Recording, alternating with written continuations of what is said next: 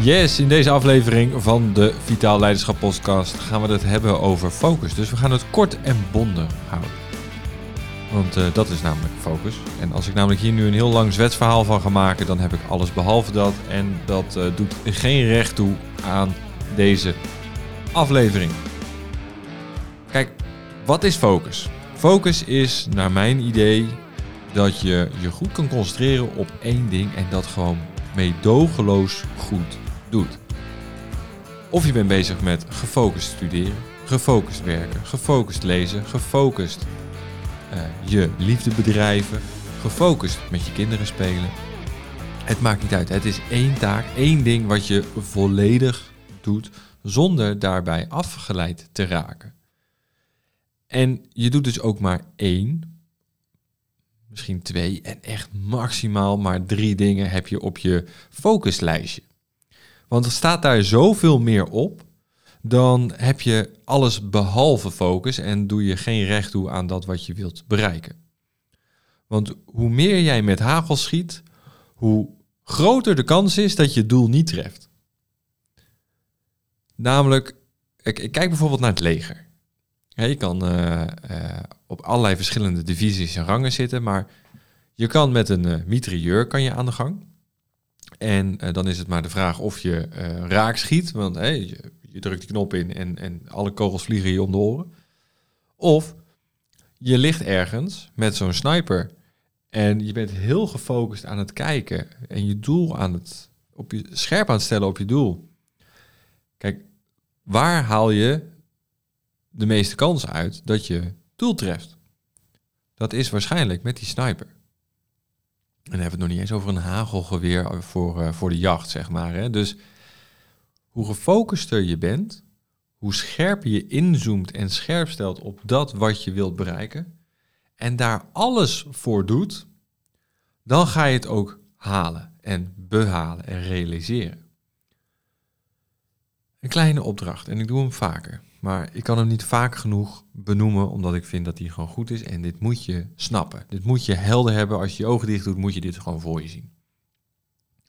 Zie een cirkel voor je. En kijk en bedenk nu even alle, alle dingen die op je to-do-lijst staan, op je focuslijst. Nou, dat zullen waarschijnlijk 10, 20, 30 dingen zijn. Teken op, dat, op die cirkel aan de buiteneindes is zoveel pijlen als dat jij dingen hebt die je te doen hebt. Nou, dat zijn er 10, 20, al wat ik al zei. Dat zijn een aantal pijlen. En je hebt daar, uh, je, hebt daar pijlen getekend, dus je hebt nu een beeld. Um, maar wat nou als je zo'nzelfde soort cirkel tekent en de lengtes die je hebt gebruikt voor al die andere pijlen mag je nu gebruiken voor één enkele pijl. Diezelfde lengtes moet je gebruiken. Doe dat eens en kijk dan eens hoe ver je komt. Wat focus daadwerkelijk betekent. Als jij je niet laat afleiden, verleiden, of dat je zoveel ballen in de lucht hoog te houden hebt of to-do's hebt, waardoor je eigenlijk alles wilt aanpakken en dus daardoor niks doet. Wat het verschil ten opzichte van dat ene ding, die ene taak. In een veel korter tijdsbestek kom je veel verder. Dus als je focust op één ding, dat voor een periode doet, en dan weer het volgende punt aanpakt, volledig op focus en weer verder gaat. Kijk, dat is leiderschap. Dat is werken aan letterlijk de toekomst, aan jezelf. Want door te leren jong leren, ja, leer je een leuk trucje, maar je komt nergens. Je komt niet verder dan het circus. En als dat je droom is, dan is het fantastisch, want dan bereik je het. Hè? Maar je luistert waarschijnlijk deze podcast omdat er ergens iets is in je leven, een bepaald aspect van je leven, wat veel meer ja, voldoening kan hebben. En, en waar je een, een warm gevoel van krijgt. Het kloppen van je hart daarvoor wilt volgen. En dat is dat ene ding. je bedrijf of je relatie of iets. Het maakt niet uit. Maar ga dat ene ding doen. Doe dat meedogenloos. Focus daar alles op om vervolgens, als je dat bereikt hebt, zodat je dat kan afschalen en iets anders kan kiezen om op te focussen. Zodat je letterlijk kan groeien op elk stuk van je leven. En iemand zei het laatst, je kan niet alles op een 10 hebben.